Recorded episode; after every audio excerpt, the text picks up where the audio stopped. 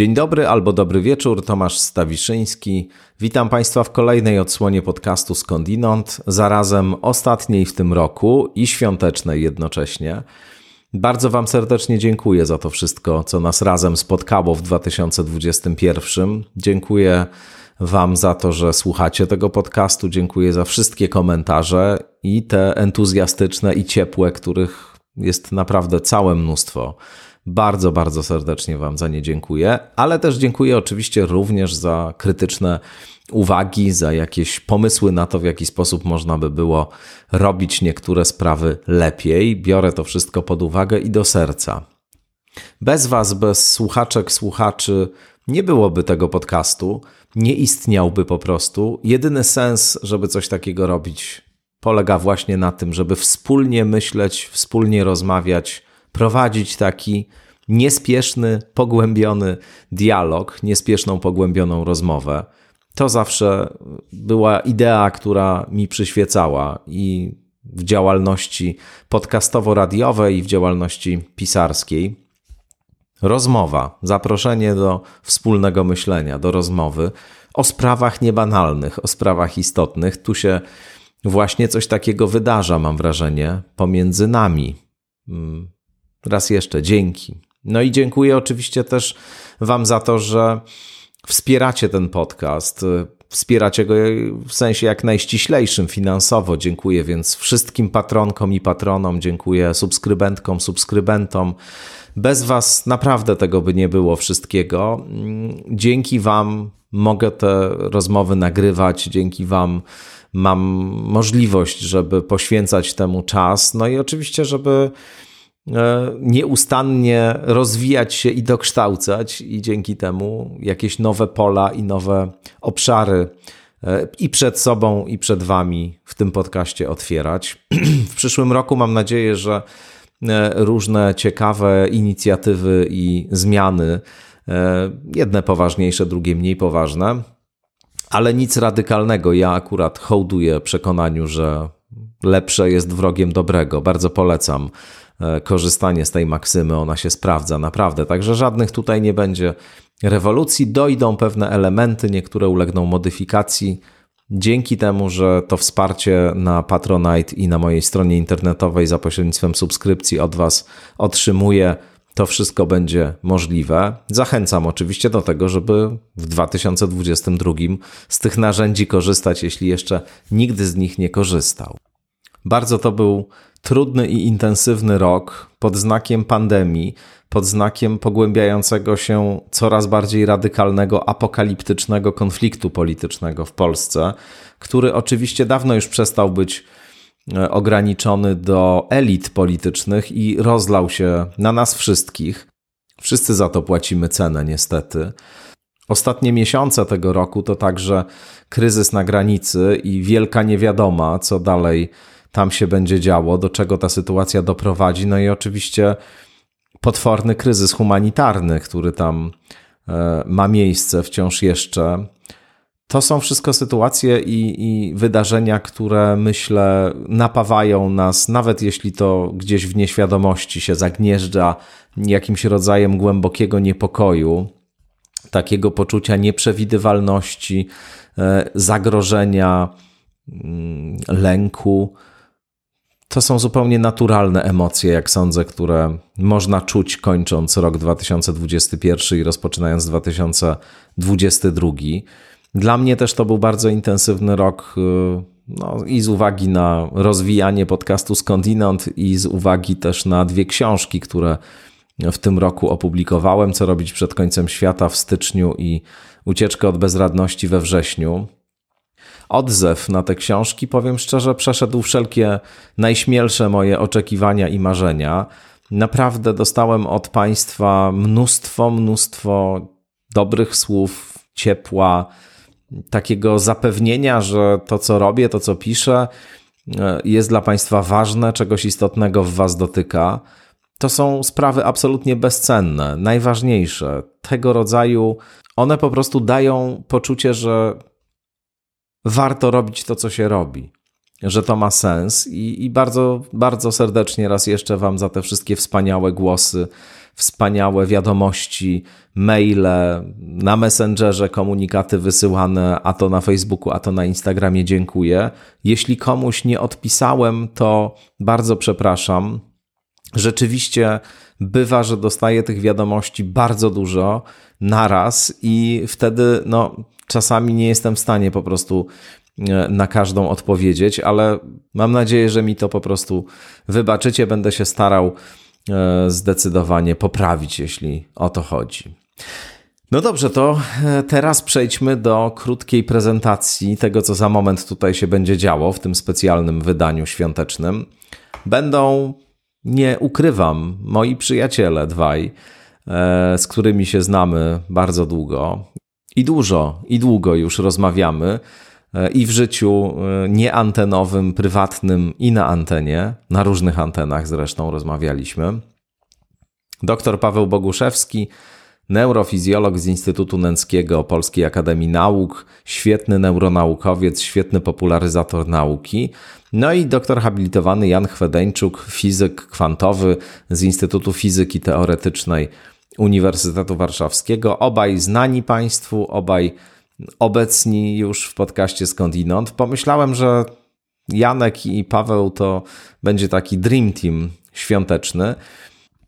Zasiedliśmy więc przy stole 23 grudnia, no i porozmawialiśmy o tym wszystkim, co dzieje się dookoła, ze szczególnym akcentem na kwestie związane z miejscem nauki we współczesnym świecie, tak bym chyba powiedział, i naszym stosunkiem do nauki, do racjonalności.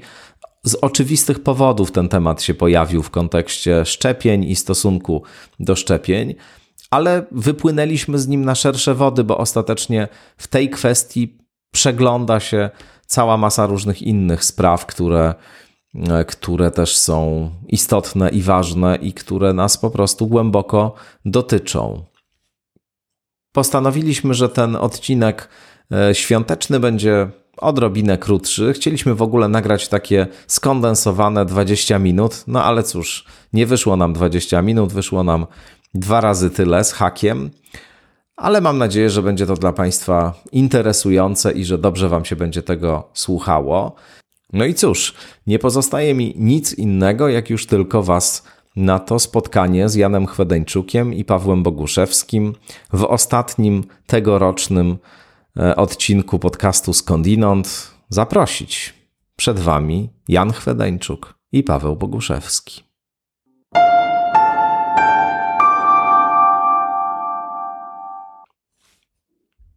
Paweł, to już możesz zacząć utwór. Dzień dobry. Nie, ale w sensie, że utwór. Nie, nie. Ja mam w dowodzie osobistym taką adnotację, że nie wolno mi śpiewać publicznie. A, to szkoda, że nie włączyłem wcześniej nagrywania, bo był brawurowe wykonanie Pawła Boguszewskiego Jingle Bells. No właśnie, Paweł Boguszewski, dzień dobry. Dzień dobry. I Jan Chwedeńczuk, dzień dobry. Dzień dobry. W takim składzie mm, specyficznym, y, powiedziałbym highlightowym, jeśli chodzi o podcast Skądinąd, pomyślałem, że czas świąteczny spędzimy. Z jaką refleksją y, żegnacie rok 2021 i witacie 2022? I dlaczego nie jest to refleksja wesoła? E, no może zacznę, jeżeli pozwolisz, Pawle. Ależ oczywiście. E, więc ja mam taką refleksję nie taką bardzo smutną, umiarkowanie smutną. Mm. Czy ta bardziej wesoła jej część to jest taka, że jednak jest to rok, może nie triumfu, ale jakichś tam sukcesów nauki. Po pierwsze, no, te wspaniałe szczepionki, które są, to pewnie Paweł więcej może powiedzieć, ale wydaje mi się bardzo nowoczesne i naprawdę. No takie malutkie chipy zawierają, to rzeczywiście chipy. jest. Człowiek tego w ogóle nie czuje. Poprzez to odbywa się kontrola jego umysłu i zachowania. I y, rozumiem, że to, to już jest naprawdę wiedza na poziomie takim, no, no naprawdę mikroskopowym względem dla układów biologicznych. I no, że to się, ja rozumiem, że technologia to była już od dawna yy, znana, no ale że mimo wszystko udało się je opracować, że one, wszystko na to wskazuje, są bardzo bezpieczne i, i tak dalej, to jest triumf. Ale to się zderza potem z że tak powiem, czynnikiem ludzkim. Mm. No i to jest ta mniej radosna część tej refleksji. To znaczy, no jednak jak trudno jest coś, co wydawałoby się racjonalnym zachowaniem, jak, jak to trudno się promuje, że tak powiem. I ta, ta, ta, to jest jeszcze jeden aspekt tego konfliktu, mianowicie myślę o roku 2021 i o szczycie klimatycznym w Glasgow, tym, to się nazywa COP.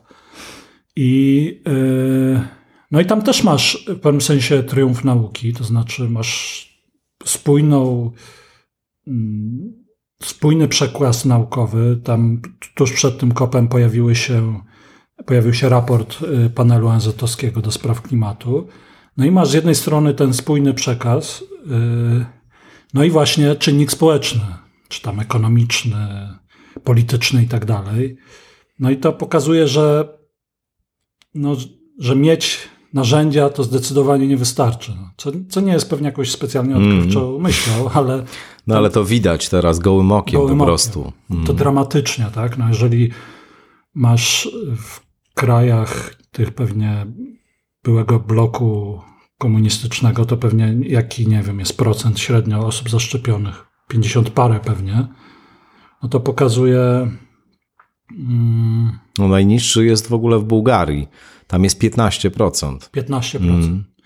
Na, na przykład y, przy okazji y, wykrycia tego wariantu nowego koronawirusa, mikronu, y, no były takie po, podnoszone argumenty, no, że doczekaliśmy się, jest to kara za to, że szczepionki nie są powszechnie dostępne w krajach no, mniej rozwiniętych, na przykład w Afryce. Ale z drugiej strony, wczoraj gdzieś mi wpadło w oko jakiś artykuł mówiący o tym, że szczepionki są chyba w Nigerii, no po prostu trzeba wylewać, bo one są, się przeterminowują. Bo ich nikt y, nie Tak, no więc to nie jest używa. takie proste. Mm. No, to nie jest, y, to wszystko nie jest takie proste i ten czynnik społeczny no. Ale też od razu powiedzmy, że nie jest tak, że one do Afryki tam w jakichś niesamowitych nie, ilościach nie, po, pojechały, tylko że tam jednak jest ciągle deficyt. No. Jasne, tylko to też nie jest tak, że one zostały wszystkie, wiesz, na pniu się Jasne. rozeszły. No. Jest to bardziej skomplikowane. Jasne. I tyle. Paweł? No, moja refleksja co do tego roku jest yy, taka chyba, która z wiekiem się pogłębia. To znaczy przede wszystkim, ojej, to już. W sensie, ledwo no co minęły trzy miesiące, a już tego roku nie ma. Też mam takie wrażenie, że to jakoś po prostu przed chwilą były te poprzednie święta, fala trzecia, a tu już, panie, Ledwo się kolejny rok. uczył pisać nową Właśnie. datę i już musi się uczyć nowej. Ale to obawiam się, że to raczej związane z tym, że z wiekiem nam się te lata skracają.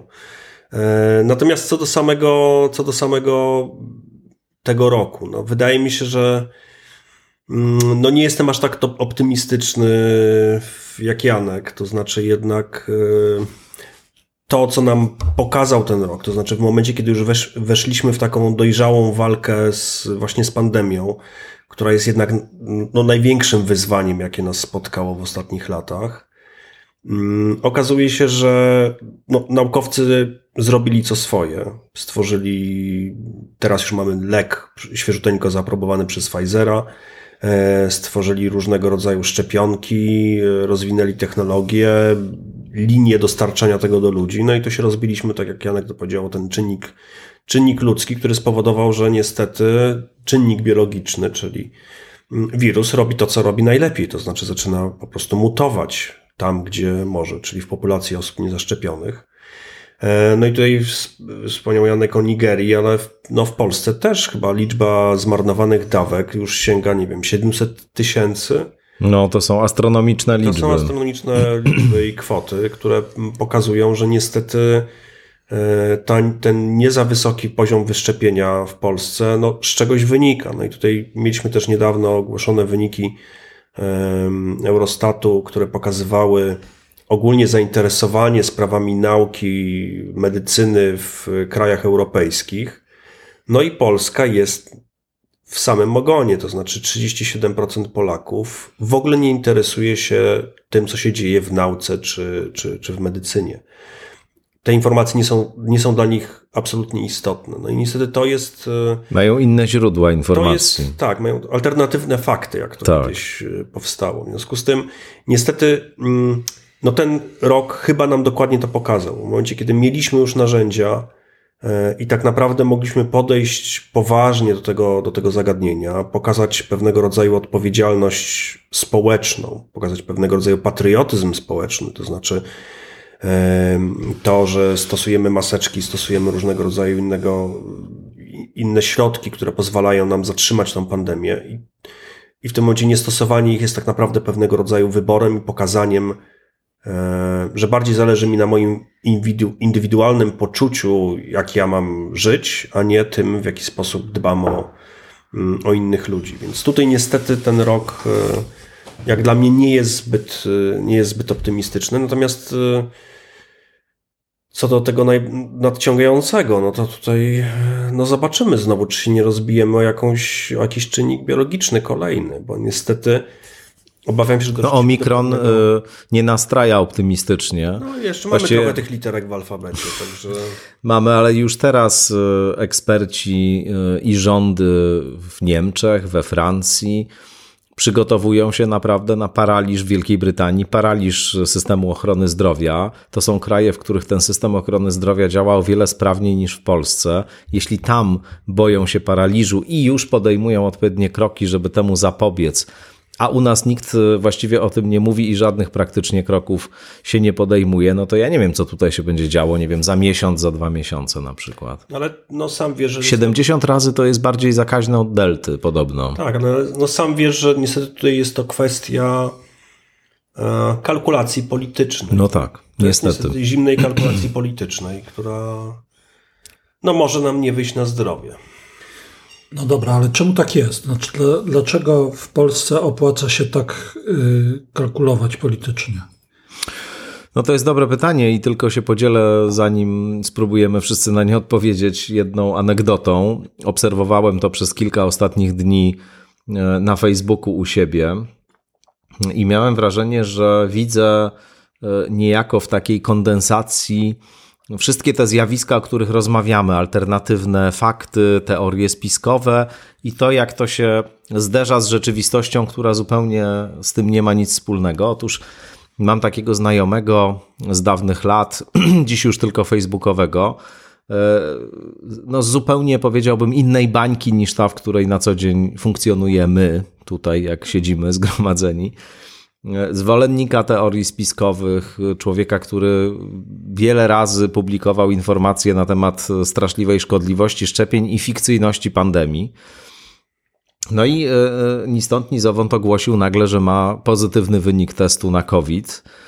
E, zamieścił takiego posta. Pod tym postem natychmiast posypały się komentarze jakichś ludzi, którzy pisali: Czyś ty oszalał? Co ty siejesz propagandę? Przecież tego nie ma w ogóle autentycznie. Widziałem takie komentarze naprawdę tego, tego rodzaju. Grypa cię złapała po prostu, a nie tam jakiś COVID. Przecież to w ogóle jest wymysł. No i on się bardzo z tego tłumaczył. Mówił, nie, ja oczywiście nie wierzę w żaden COVID. Wiadomo, że pandemia to pandemia. No po prostu mam takie objawy, które rzeczywiście dosyć mocne są. No i one pasują do tego opisu diagnostycznego. A czy to COVID, czy nie COVID, to to jest inna sprawa. Jego stan zdrowia się pogarszał oczywiście, z, można powiedzieć nawet godziny na godzinę. Na drugi dzień opublikował kolejny post o tym, że wdraża leczenie. Zgadnijcie czym? Witaminą C?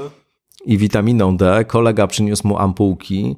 100 tysięcy jednostek witaminy D w zastrzykach sobie podawał i jeszcze jeden cudowny lek stosował, mianowicie amantadynę.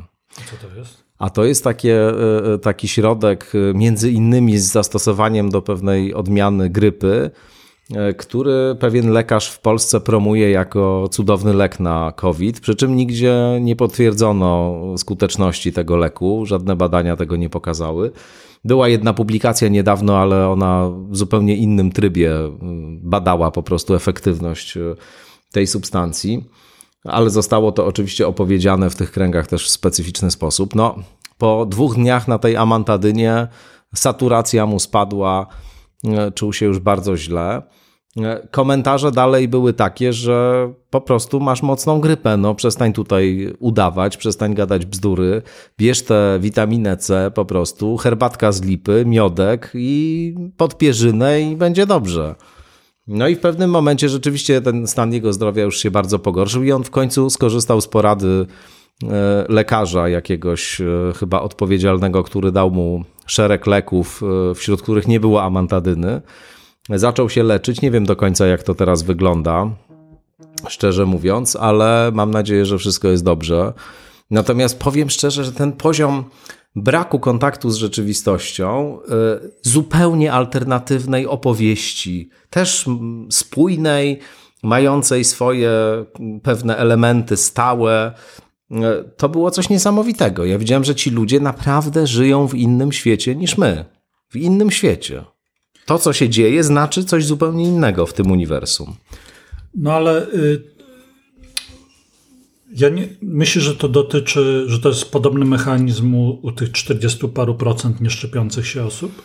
No pewnie nie u wszystkich. To jest jednak taka może awangarda tego, tej części społeczeństwa, ta, która właśnie intensywnie czytuje te różne teorie spiskowe, ale ja się z tym stykam e, od czasu do czasu, z tym, że to jest wymysł, to jest e, jakiś projekt polityczny, e, to jest histeria rozpętywana nie wiadomo przez kogo, nie wiadomo w jakim stopniu. Szczepienia nie, bo to nie wiadomo co to jest, jakieś dziwne substancje nam będą wstrzykiwać, etc. Ja rozumiem, że ludzie mogą się bać i mogą mieć obawy, no bo ostatecznie jest wiele powodów, dla których ludzie mogą nie ufać elitom w tym kraju, mogą nie ufać instytucjom, no to trzeba rozumieć. Natomiast y, oczywiście jest pewna grupa osób, które propagują taką alternatywną wizję rzeczywistości i, i, i naprawdę wydają się żyć w zupełnie innym świecie. Mhm. No właśnie, no ale pytanie, ja, czemu to tak jest, że, że to pada na taki podatny grunt? No? Czy to jest. Yy czy to jest tak, że ten grunt jest podatny, czy on jest jakoś, że tak powiem, uformowany przez na przykład przez klasę polityczną i media? I mm. wiesz, co, co jest przyczyną? Mi się wydaje, Właśnie, że. To jest dobre pytanie.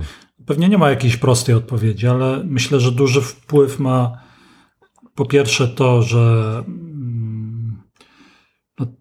te zaniedbania edukacyjne, mm.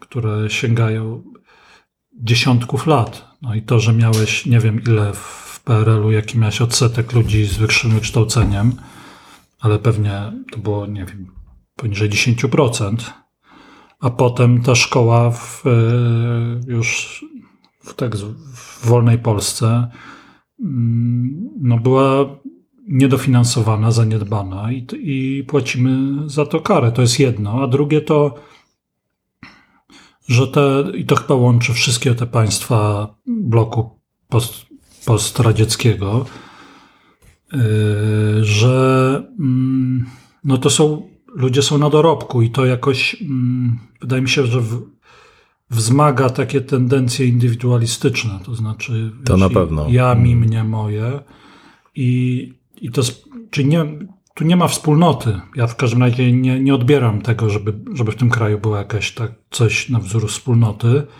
więc też nie ma tego poczucia jakiejś takiej y, społecznej odpowiedzialności. Mm. I to pewnie w normalnym trybie to się za 80 lat wydestyluje, że tak powiem, ale to jeszcze jest dużo czasu, no, więc takie to są, wydaje mi się, dwa wspólne mianowniki tych krajów, bo, no bo to jest uderzające, że w tych krajach tak, postsowieckich y, jest taki Wiesz, to jest taka wspólna, mm. ta korelacja jest bardzo silna. No i, i tyle. No i, a my nadal tę edukację, no może nie niszczymy, no ale jest ona, wiesz, bardzo osłabiana przez kolejne dziesięciolecia i, i to będziemy jeszcze płacić przez wiele, wiele lat za to. Mm. No tutaj trochę się zgodzę, trochę się nie zgodzę. To znaczy, ta korelacja właśnie z geografią bądź geopolityką jest rzeczywiście dosyć e, oczywista, ale wydaje mi się, że też e, to jest pewnego rodzaju struktura chyba wszystkich społeczeństw. To znaczy, zawsze, jeżeli zbudujemy jakąś grupę, to ona ma pewne ma brzegi. E, I tak jak no, nie możemy zlikwidować całkowicie, no nie wiem, mm, biedy w różnych państwach, bo tam zawsze, no ktoś musi być ten, z tej strony najbiedniejszych, ktoś będzie zawsze z tej strony najbogatszych. To znaczy zawsze się pojawiają pewnego rodzaju flanki. E, I tutaj tak samo będziemy mieli pewne flanki osób, które tak naprawdę mm, nie do końca wiem z jakich przyczyn, ale są całkowicie, można powiedzieć, systemowe, antysystemowe. To znaczy będą tak. zawsze na nie. One nie będą wierzyły, one nie będą wierzyły w główny przekaz, one będą. I to często rozmawialiśmy o tym, że te teorie spiskowe idą najczęściej w pakietach. To znaczy, jak już taka osoba e, łapie, nie wiem, płaskoziemców, no to już potem leci tam wszystko, reptilianie tak. i tak dalej, tak? I być może to jest coś takiego, że mm, jest taki typ osobowości, który po prostu zawsze wyląduje w tych teoriach spiskowych, nieważne czy go będziemy edukowali, czy nie. Wręcz badania pokazują, że tak naprawdę mm, edukacja pozwala im bardziej okopać się w swoim przekonaniu fałszywym, ponieważ mają dzięki edukacji poczucia, że coś wiedzą, e, nie do końca oczywiście, mm, a też jednocześnie mają no, pewien poziom inteligencji, który pozwala im utrzymywać dosyć spójność swojej bańki przekonań, czyli wyszukiwać te alternatywne fakty, które oni chcą wyszukiwać. E, w związku z tym, e, wydaje mi się, że to ciekawsze jest pytanie, po co to jest? No i wydaje mi się, że to ma pewien, można powiedzieć, taki sens ewolucyjny. No, daje nam to pewną dynamikę w obrębie gatunku, tak? To znaczy mamy gatunek, w którym muszą być, nie wiem, ci mainstreamowi, ale dobrze mieć troszeczkę na bokach różnych takich, można powiedzieć, mentalnych harcowników, e, którzy być może w sytuacjach zupełnie kryzysowych się przydadzą i coś tam ciekawego nam pokażą.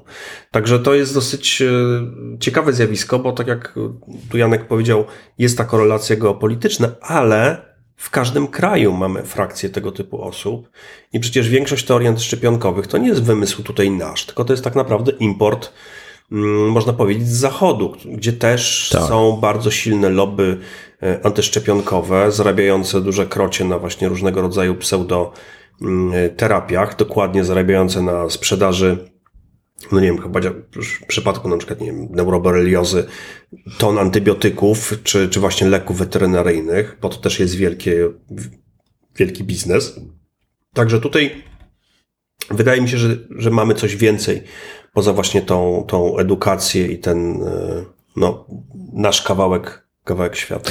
No tu jeszcze jedna uwaga tylko, bo, bo ja też bym się skłaniał do tego, że, że edukacja to nie jest wszystko, to jest ważny element, ale, ale nie stuprocentowy. Otóż no są takie postacie w, tym, w tych ruchach różnorakich, pseudomedycznych, pseudonaukowych, antyszczepionkowych, etc., które mają doktoraty, profesury z medycyny, ludzie, którym trudno zarzucić brak znajomości metody naukowej na przykład, albo rozumienia e, tego, na czym polega proces, e, proces zdobywania wiedzy, weryfikowania hipotez, etc. Głównym AIDS negacjonistą to jedna z absolutnie w cudzysłowie moich ulubionych. Mówię w cudzysłowie, bo, bo oczywiście jest to tragiczna, zbierająca krwawe żniwo teoria spiskowa ale jedną z tych takich najbardziej fascynujących dla mnie teorii spiskowych to jest AIDS negacjonizm.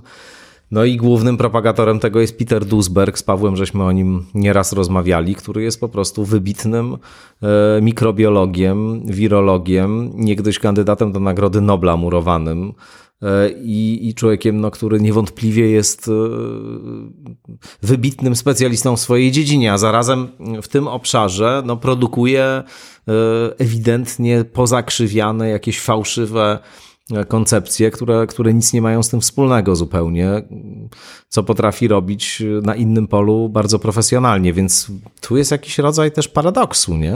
No to ja ci opowiem, wam opowiem taką mm, historię, która mi się przydarzyła, gdy byłem jeszcze młodym naukowcem i nie czesałem się z takim szerokim przedziałkiem. E, państwo tego nie widzą, ale Janek rzeczywiście ma szeroki przedziałek. To e, Fundacja na Rzecz Nauki Polskiej zafundowała mi wyjazd do Lindau, gdzie mm, było takie doroczne spotkanie z młodych właśnie naukowców z laureatami Nagrody Nobla. I w tym akurat roku było to z fizykami, w związku z tym ja tam pojechałem. No i To wyglądało tak, że było kilka, kilkuset młodych ludzi z całego świata i ci naukowcy mieli swoje wystąpienia przez parę dni, więc można było tam tych, nie wiem ilu, kilkunastu żyjących noblistów wysłuchać. I oczywiście oni mówili rzeczy bardzo mądre i, i, podniosłe. I raptem na scenę wychodzi jeden z nich, czyli e, Brian Josephson, noblista z fizyki, słynny autor efektu, autor, odkrywca efektu Josephsona, ważnego w mechanice kwantowej. No i on coś tam pomruczał chwilę o tym efekcie Josephsona. Widać, że go to kompletnie nie interesuje. I z tym rozwiszonym włosem zaczął nam tutaj o, o UFO, uprowadzeniach ludzi i takich historiach opowiadać. Yy, I to skądinąd wiadomo, że on, on dostał Nobla jako bardzo młody człowiek, bodajże 30-paroletni i po, po jakimś czasie, no powiedzmy, odkleił się od, od nie no, może po prostu został uprowadzony i chce się tym podzielić, a wszyscy uważają, że się odkleił, wiesz. No więc to, co chcę powiedzieć, to, że yy, to, że są takie yy, indywidua yy, w świecie nauki, to przypuszczalnie przez to, że oni są, wiesz, jak to już jest noblista, to się robi naprawdę, przykuwa uwagę, że tak powiem. I to, że są takie indywidua, to, to mnie to nie dziwi. Sam powiedziałeś, że to jest jakiś margines, ale to, że to potem yy, masz w społeczeństwie 40%, ja nie wiem, czy to 40% w Polsce, 40 parę to dotyczy wszystkich osób, czy tam powyżej pewnego wieku. Mm. Ale mówisz o tym braku zainteresowania? Nie, nie, nie, czy, o, czy... o niezaszczepionym. Yy, tak czy siak. Yy, Chyba więcej młodych. Yy, tak czy siak, to no, nie można powiedzieć, że to są ludzie. Nie wiem, no, że, że to są wyznawcy teorii spisu. Ja nie wierzę w to, że to, że to są. Ja myślę, że tam. Nie, nie, no na pewno nie są wszyscy, no. Na pewno nie. Ale jakiś rodzaj, nie wiem, sceptycyzmu wobec przekazu tak zwanego głównonurtowego, wobec elit y, politycznych, naukowych, wobec instytucji, no niewątpliwie przejawiają. Może też mają jakąś taką postawę, że a tam ja tam się nie przejmuję, ja się nie angażuję, na wybory nie chodzę, nie będę brał udziału w takich, e, czy brała udziału w takich przedsięwzięciach. Tak też może być, ale myślę, że jakaś, e, jakaś część rzeczywiście wyznaje światopoglądy alternatywne, nazwijmy to. Znaczy, ja myślę, że znaczy wracając do tych naukowców, to znaczy. E, to nam pokazuje taką prostą zależność, że nie można wierzyć naukowcowi. Należy wierzyć oczywiście, nauce. Oczywiście. Tak? No bo każdy naukowiec może się mylić. W związku z tym pewne teorie musimy tak naprawdę weryfikować grupowo. Mm, I oczywiście ten wkład indywidualny w naukę jest bardzo ważny. No to pokazuje to Nagroda Nobla. To znaczy, rzeczywiście ktoś musi coś wymyśleć, y, odkryć, skojarzyć jakieś fakty. Mm, I dopiero, ale dopiero wtedy, kiedy my to, to, tak naprawdę zweryfikujemy, no to wtedy możemy zobaczyć sobie, na ile to odkrycie jest y, prawidłowe i na ile ono jest ważne. No chociażby tak jak no, tegoroczny nagrod, tegoroczna Nagroda Nobla mm, z medycyny i fizjologii medycyny, czyli za odkrycie e, no, takich biologicznego, molekularnego podłoża e, dotyku i, i bólu. E, bardzo taka podstawowa, rzeczywiście fajna nagroda, to znaczy 20 lat po odkryciu. Przez te 20 lat te, to odkrycie E, no, nabierało pewnego rodzaju mocy, pokazywało swoje rzeczywiście taką no, pionierskość e, tego, co zostało odkryte. Nie był, nie, było, nie był to żaden przełom. E, natomiast jednak pokazuje nam to, że właśnie w tej nauce no, musimy pewne fakty oddzielić od naukowca i dopiero po weryfikacji one nabierają pewnej mocy takiego no, faktu obiektywnego. W związku z tym no, ci naukowcy, którzy niestety, czy, czy nobliści, którzy, którzy czasami odjeżdżają, którzy się odklejają od rzeczywistości, to jest raczej coś, co jest po prostu no, naturą ludzką. Nie, no tak, no. absolutnie nie dziwię. I, ja w no, tym sensie... Noblistów mm to już wielu odjeżdża. tak zwana choroba noblowska. Tak, tak, tak, tak, Nie, ja, ja oczywiście to powiedziałem tylko w tym e, sensie, żeby zwrócić uwagę na to, że nie immunizuje jednak do końca tak, edukacja. A nawiasem mówiąc, e, jeśli już mówimy o takich postaciach, to mi się inny e, przypomniał obiecujący naukowiec, niejaki John L. Mack, to był e, psycholog pracujący e, na Harvardzie, który w latach 70. pisał doktorat tamże z właśnie tego fenomenu, który wówczas był niezwykle popularny, osób, które twierdziły, że były uprowadzane przez kosmitów, przez UFO. W Stanach istnieją specjalne stowarzyszenia takich ludzi, oni się spotykają, wydają swoje biuletyny, e, rozmawiają na temat tego, co się z nimi stało. No, naprawdę jest to spory ruch społeczny. No i Mac postanowił zbadać ten temat, e, napisać o tym pracę doktorską. No i dużo czasu tam spędził bardzo. E, napisał ten doktorat, ale zaraz później wydał książkę, w której twierdził, że to wszystko jest po prostu prawda. Ta książka się nazywa Abductions, jest do kupienia wciąż. Już nie żyje John Mack, ale on do końca życia utrzymywał, że ci ludzie po prostu mają rację i UFO rzeczywiście porywa. No, tego nie możemy wykluczyć, jak wiadomo. No nie, nie możemy. Słynne eksperyment myślowy Rasla z czajniczkiem. Dokładnie. E, który tam krąży, nie wiem tak. gdzie, wokół. Wokół orbity jest na orbicie Saturna, tak. teraz udowodni, że tak nie jest. No dokładnie. On jest tak malutki, że nie wykrywają go żadne przyrządy. Herbatą. No. Ja go tak, z, z, herbatą, tak, tak. To jest taki malutki czajniczek z herbatą, tak. Chyba zimną. nie, nie, ona perkocze tak przyjemnie, wiesz, tak, tak. No dobrze, to a myślicie, że to, mm, to wszystko, co się dzieje, to jakoś ludzkość czegoś uczy, wzmacnia, czy to, czy to idzie wszystko hmm. w piach? No, to jest dobre pytanie, Paweł. Eee. Zamyśliłem się. nad kwestią uprowadzeń. Czy to idzie, nie, nad kwestią tego właśnie piachu, no bo no patrząc, e, no tak jak mówię, no być może ten koniec roku nie jest taki optymistyczny, jakbyśmy chcieli, żeby był. I ten nadciągający rok, gdzie e, inflacja, parę innych rzeczy, właśnie ta pandemia, która się jednak powoli coraz mocniej rozwija u nas, nowe warianty. Być może to nie nastraja optymistycznie i niestety no, mam właśnie takie trochę poczucie, że mm, no, doszliśmy do jakiegoś dosyć y, mocnego zakrętu w naszej cywilizacji. To mm. znaczy, rzeczywiście te czasy okazują się powoli czasami przełomowymi, gdzie E, gdzie wyłażą te wszystkie problemy, które przez lata były, ale nie były tak jaskrawe, tego właśnie braku zaufania, braku spójności, braku mm, pewnej odpowiedzialności społecznej. E, no, tych wszystkich problemów, które generuje ze sobą ten taki, można powiedzieć, późny kapitalizm, czyli tak naprawdę mm, pewne efekty, które pokazują nam, że ta ekonomia, która jest zbudowana na tylko i wyłącznie zysku dużych korporacji doprowadziła, że one już się tak scaliły, tak no, przesunęły się pewne wagi, że tak naprawdę zastanawiamy się, zastanawiam się, co dalej. To znaczy, w jaki sposób tutaj możemy mm, ten mm, przyspieszony, nie, taki no, niedobry trend zahamować, odwrócić, czy wręcz e, go wyprostować. W związku z tym, no tutaj akurat e, ja jestem mało optymistyczny i zobaczymy, co dalej. Mhm. Janku, a ty jak na swoje pytanie odpowiesz? No, no, ciekawe, czy takie problemy, tak jak mówiłeś, z tym, te, te problemy późnego kapitalizmu da się ewolucyjnie rozwiązać. To znaczy, czy ludzkość może. Ja trochę jestem zainspirowany lekturą wywiadu z Tomasem Pikettym, który parę dni temu czytałem, który właśnie też się zastanawia.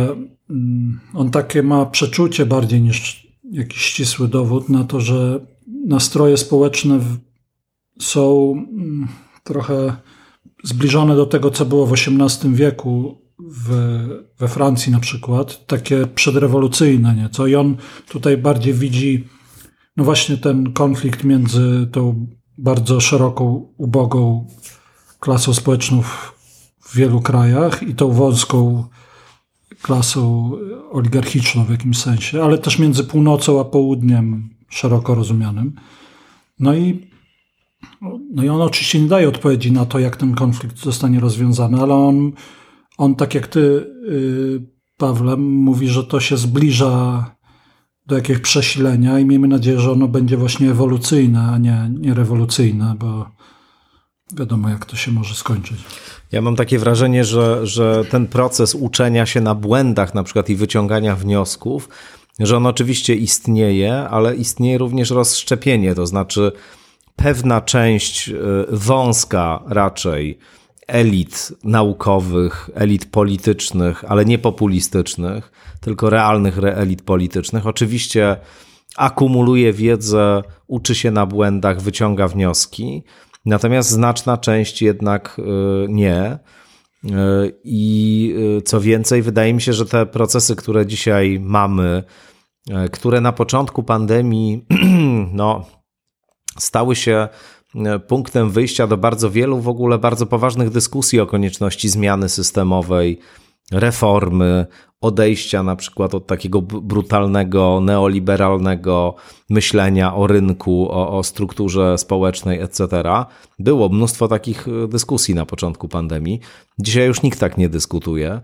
Więc, że, że powiedziałbym, ta praktyka społeczna jednak e, będzie dalej taka, jaka była. E, niewielka grupa ludzi rzeczywiście będzie bogatsza o to doświadczenie i o tę wiedzę, natomiast też znaczna część ludzi będzie się pogrążała w myśleniu spiskowym, w różnych teoriach dziwnych, które będą się rozprzestrzeniać i rozprzestrzeniają się e, w różnych społeczeństwach zachodnich, jak omikron, z taką intensywnością. No i to oczywiście jest e, jeszcze jeden aspekt, to znaczy mamy zupełnie inny świat. To znaczy, pewne przewidywania, które mogą nam mówić o tym, co się działo, nie wiem, w XVIII, XIX wieku, czyli pewne przemiany społeczne, które tam zachodziły, one mogą być zupełnie nieadekwatne do współczesności, chociażby z punktu widzenia technologii. To znaczy, jednak żyjemy w czasach, gdzie mm, pewne idee mogą się rozprzestrzenić na świecie dosłownie w ciągu paru godzin e, za pomocą nowoczesnych technologii.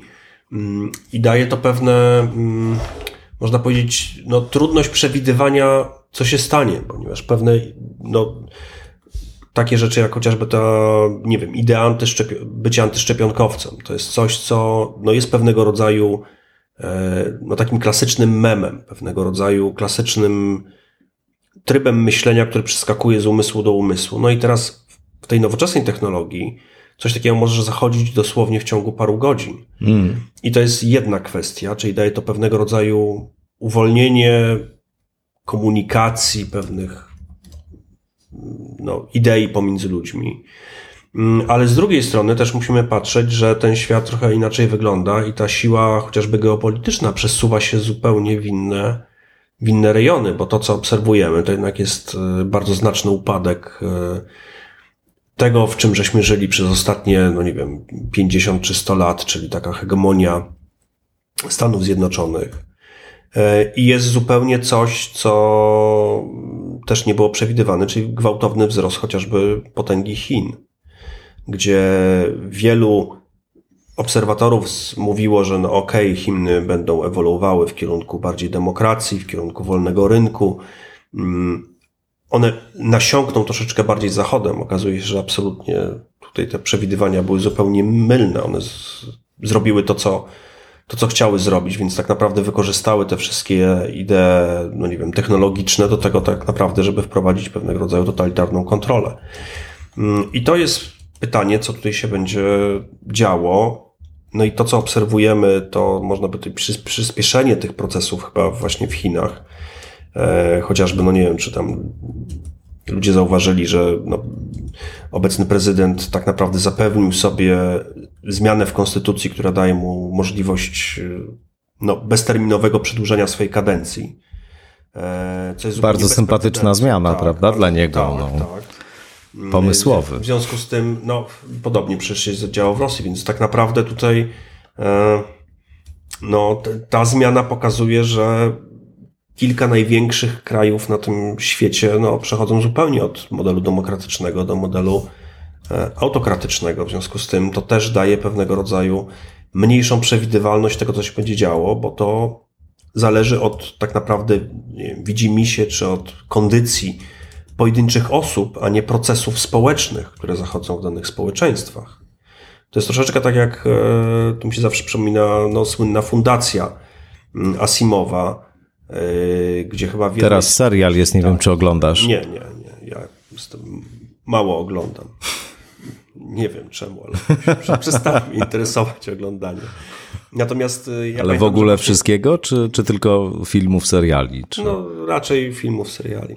E, natomiast tam właśnie w jednej z części, już nie pamiętam, się pojawiła taka, bo generalnie w tej fundacji chodzi o to, że oni wymyślili pewnego rodzaju psychohistorię, czyli możliwość przewidywania rozwoju społeczeństw i odkrywał to oczywiście tam główny guru tej, tej, tej, tej nauki. Natomiast w pewnym momencie pojawił się właśnie osobnik, który miał pewne właściwości mentalne, który potrafił kontrolować emocje innych ludzi i przez to skupił ogromną władzę. I oni tak naprawdę nie wiedzieli, co się co się stanie i okazuje się, że dokładnie pojawienie się takiej jednostki, pojawienie się pewnego rodzaju mm, tego typu fenomenu jest całkowicie nieprzewidywalne za pomocą metod statystycznych. W związku z tym to, co się dzieje teraz, czyli właśnie skupianie władzy w bardzo wąskiej, w bardzo wąskich rękach, no to jest coś, co daje pewną nieprzewidywalność tej przyszłości.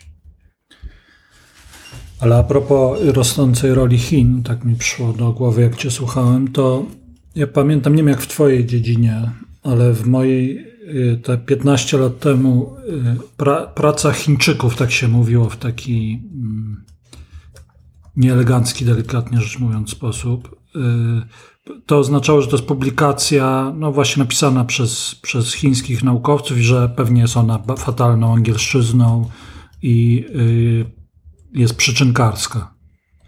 Teraz y, prace chińskie oczywiście są i takie, i takie, ale no coraz częściej jest tak, że otwierasz y, Nature czy Science, czyli dwa topowe pisma ogólnonaukowe. Mm, no i masz tam pracę na przykład wyłącznie y, chińskiego autorstwa w tej dziedzinie, którą ja się zajmuję, czyli w tych tak zwanych technologiach kwantowych, no to Chińczycy, może nie, nie wiem, czy można powiedzieć, że wiodą prym, ale no są już w absolutnej ekstraklasie e, w rozwoju, w pracy nad, nad e, komputerami kwantowymi, mm, szyfrowaniem kwantowym i, tym, i ty, nad tymi wszystkimi technologiami, o których się mówi, że one mogą Zrewolucjonizować tak, wszystko. ale też przesuwiesz, mm. dać ogromną władzę. Mm. Ten, kto pierwszy, to, to tak jak wiesz, wejść do jakichś prymitywnych społeczności z, z karabinem maszynowym. E, no i to, wracając do tego, od czego zaczęliśmy, to pokazuje e, po pierwsze naiwność Zachodu, to o czym mówiłeś, że eksportując te nasze dobra w jakiś sposób zdemokratyzujemy ten kraj, co się okazało kom kompletną nieprawdą, ale też pokazuje, jakie są dobrodziejstwa z perspektywy Chin, no, takiego wieloletniej inwestycji w naukę. No. Tak, to prawda, bo no, też y, to, co powiedziałeś właśnie, że kiedyś te publikacje chińskie były troszeczkę E, traktowane, mm, można powiedzieć delikatnie, z większą ostrożnością naukową. Często się nie udawało tych wyników w ogóle powtórzyć i widać było, no, że to nie jest e, najwyższej jakości praca. Natomiast rzeczywiście, e, i to dokładnie, kiedy ja mniej więcej kończyłem swojego postdoka w Stanach Zjednoczonych, to to był taki moment przełomowy, gdzie już zaczęli naukowcy chińscy zamiast mm, no, rozpaczliwie trzymać się tego, żeby zostać w Stanach Zjednoczonych i nie wrócić za żadne skarby do Chin, wręcz właśnie mm, planować swoją karierę w Stanach Zjednoczonych po to, żeby właśnie wrócić do Chin i wtedy uzyskiwać bardzo wysokie budżety, e, połączone tak naprawdę z pewnego rodzaju dużo większą wolnością naukową, no bo chociażby Mm, kwestie y, ograniczające pewne badania. No nie wiem, takie Mówisz o kwestiach etycznych. etycznych. Tak, na przykład etycznych. To będzie na przykład zarodki, komórki macierzyste, gdzie te sprawy w przypadku Chin są traktowane całkowicie utylitarne, to znaczy tam nie wchodzą te wszystkie rzeczy, które są związane, można powiedzieć, z taką no, moralnością wynikającą z pewnych przekonań religijnych, w ogóle brane pod uwagę. Dla nich to jest po prostu utylitaryzm. W związku z tym mm, rzeczywiście wtedy y, ci naukowcy, też właśnie w tym mojej dziedzinie, czyli w life science, no już zaczynali właśnie planować sobie swoje kariery pod to, że no mogą mieć w tych metropoliach chińskich po prostu dużo lepsze warunki niż w Stanach Zjednoczonych, e, dużo, wyższe, dużo wyższe budżety, dużo łatwiej osiągalne i stabilniejsze niż system grantowy. bo system grantowy niestety powodował i powoduje to, że tak naprawdę naukowiec bardziej musi myśleć o tym, jak sfinansować swoje badania, niż e, jak zadawać te najwłaściwsze i najbardziej podstawowe pytania. No i tutaj niestety to e, no dało to takie gwałtowne przyspieszenie i rzeczywiście ta jakość obecnie tych publikacji jest dużo, dużo wyższa. E, I no, według mnie przesuwa no. to bardzo silnie ten właśnie to myślenie gdzie jest to centrum świata. To, to, jest też związane z tym oczywiście, że Zachód y, bardzo długo, tak jak y, powiedziałeś Janku też na początku i ty też powiedziałeś o tym Pawle, no nie traktował w ogóle Chin poważnie. To znaczy to, były, to był kraj, który czasami y, kopiował pewne rozwiązania, ale robił to gorzej. Sformułowanie made in China przez długi czas było synonimem czegoś właśnie źle wykonanego, tandetnego, chińszczyzna i tak dalej. I nawet żeśmy się nie zorientowali, kiedy po prostu no, w sposób niezwykle trzeba przyznać sprawny i inteligentny Chiny po prostu zaczęły rozwijać się e, zupełnie niezależnie od tego, co, co tutaj u nas się dzieje, no i stały się i stają się e, potęgą. Tam są też po prostu gigantyczne nakłady, tak jak mu, mu, mówiliście o tym, na, na naukę. No, tam się w to po prostu totalnie inwestuje teraz. Ale też masz po prostu, no masz bardzo A, ale, dużą ale, liczbę, mhm. wiesz, specjalistów w każdej dziedzinie. Ale szczepionki to skutecznej nie, nie wypuścili niestety. No ale wiesz, no, to myślicie, że jak y, za rok te, tu zasiądziemy przy tym stole, to jakie będą nastroje? no właśnie. Jakie będą? Dobre pytanie.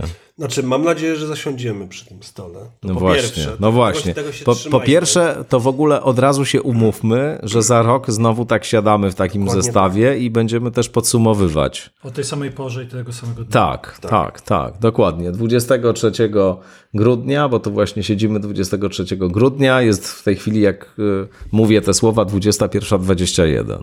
Tak jest. No. Dobra, umowa stoi. Trzymamy się. Jak będziemy podsumowywać 22? To może od razu nagrajmy podsumowanie na 2022. Tylko zmienisz datę. no właśnie, no właśnie, to jest. Y, no to jest. Myślę, że właśnie, żeby zobaczyć, y, jak będziemy mogli podsumować kolejny rok, to jest, to jest jedna z przyczyn, dla której warto przeżyć ten kolejny rok. Eee, no bo to jest coś takiego, że no to słynne, wracamy znowu, chińskie przekleństwo, żebyś żył w ciekawych czasach, aczkolwiek nie wiem, czy to jest rzeczywiście prawdziwe chińskie powiedzenie. Podobno znaczy ono jest, tylko że ono coś troszeczkę innego znaczy, bo te tak. ciekawe czasy to są takie właśnie czasy bardzo stabilne i i takie, których nic specjalnego się nie dzieje. To mniej więcej o to chodzi w tym Aha, powiedzeniu. Odwrotnie. Znaczy, no generalnie właśnie wydaje mi się, że żyjemy w tych ciekawych czasach i tak naprawdę e, no, patrząc na pewnego rodzaju dynamikę, nie wiem, bliskiej sceny politycznej dalszej sceny politycznej, rzeczywiście dochodzimy do pewnego rodzaju czasów przesilenia i miejmy nadzieję, że nam wyjdą na dobrze, na dobre ale, ale zobaczymy. No ja akurat po tym 20, 20 nie jestem specjalnie nastawiony. Janku? Optymistycznie. No, wiesz, no.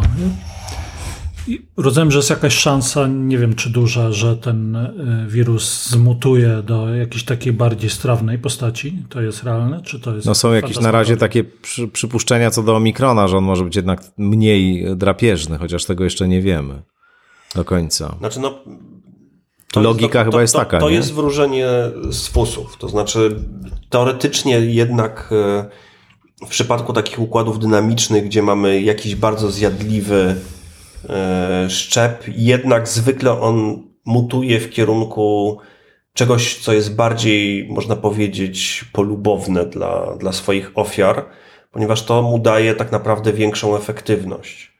E, ale tak jak mówię, to wielką niewiadomą jest to, że jednak e, społeczeństwo ludzkie jest zupełnie atypowym społeczeństwem. To nie jest taka populacja, która nawet była te 20 czy, czy 50 lat temu, gdzie ludzie, się, ludzie byli dużo mniej mobilni, mniej ściśnięci.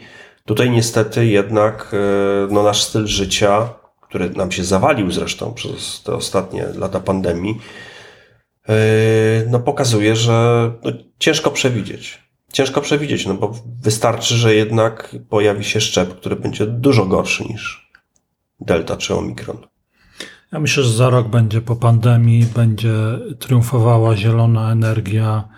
Po miastach będą ludzie jeździć na rowerach, ewentualnie elektrycznych hulajnogach zasilanych z, z odnawialnych źródeł energii. Aborcja będzie na życzenie w Polsce, e, związki homoseksualne zostaną zalegalizowane. Nie będzie, Obudź się. Nie, Obudź be, się. nie będzie nikt umierał na granicy, bo żadnemu politykowi nie przyjdzie do głowy, żeby na to pozwolić, bo społeczeństwo na to nie pozwoli i tak dalej. Imagine all the people. To teraz też Paweł śpiewać. Nie, nie, nie. No ale to piękna piosenka tak. jest, no. No dobrze, to specjalne wydanie mm, świąteczne podcastu Skądinąd. Obiecaliśmy sobie, że będzie krótsze, takie nawet 20-minutowe, półgodzinne, ale nam wyszło prawie 50 minut. E, no więc myślę, że to jest dobry czas. Chyba życzymy po prostu wszystkiego dobrego słuchaczkom i słuchaczom. No i żeby ten nowy rok y, jednak nie był taki straszny. No. Myślę, że to są takie w miarę dobre życzenia na 2022. Oby to była wersja Janka, a nie wersja Pawła. tak no, jest. To za rok się spotkamy, żeby sprawdzić, która wersja się sprawdziła, wersja Janka czy wersja Pawła. Bardzo Wam dziękuję za to spotkanie. Dziękuję. A my dziękujemy za zaproszenie. Tak jest. Zawsze z przyjemnością. Paweł Boguszewski, Jan Chwedeńczuk, Tomasz Stawiszyński. Bardzo dziękujemy. Wszystkiego dobrego, do usłyszenia. No i zapraszam do kolejnych odsłon skądinąd oczywiście.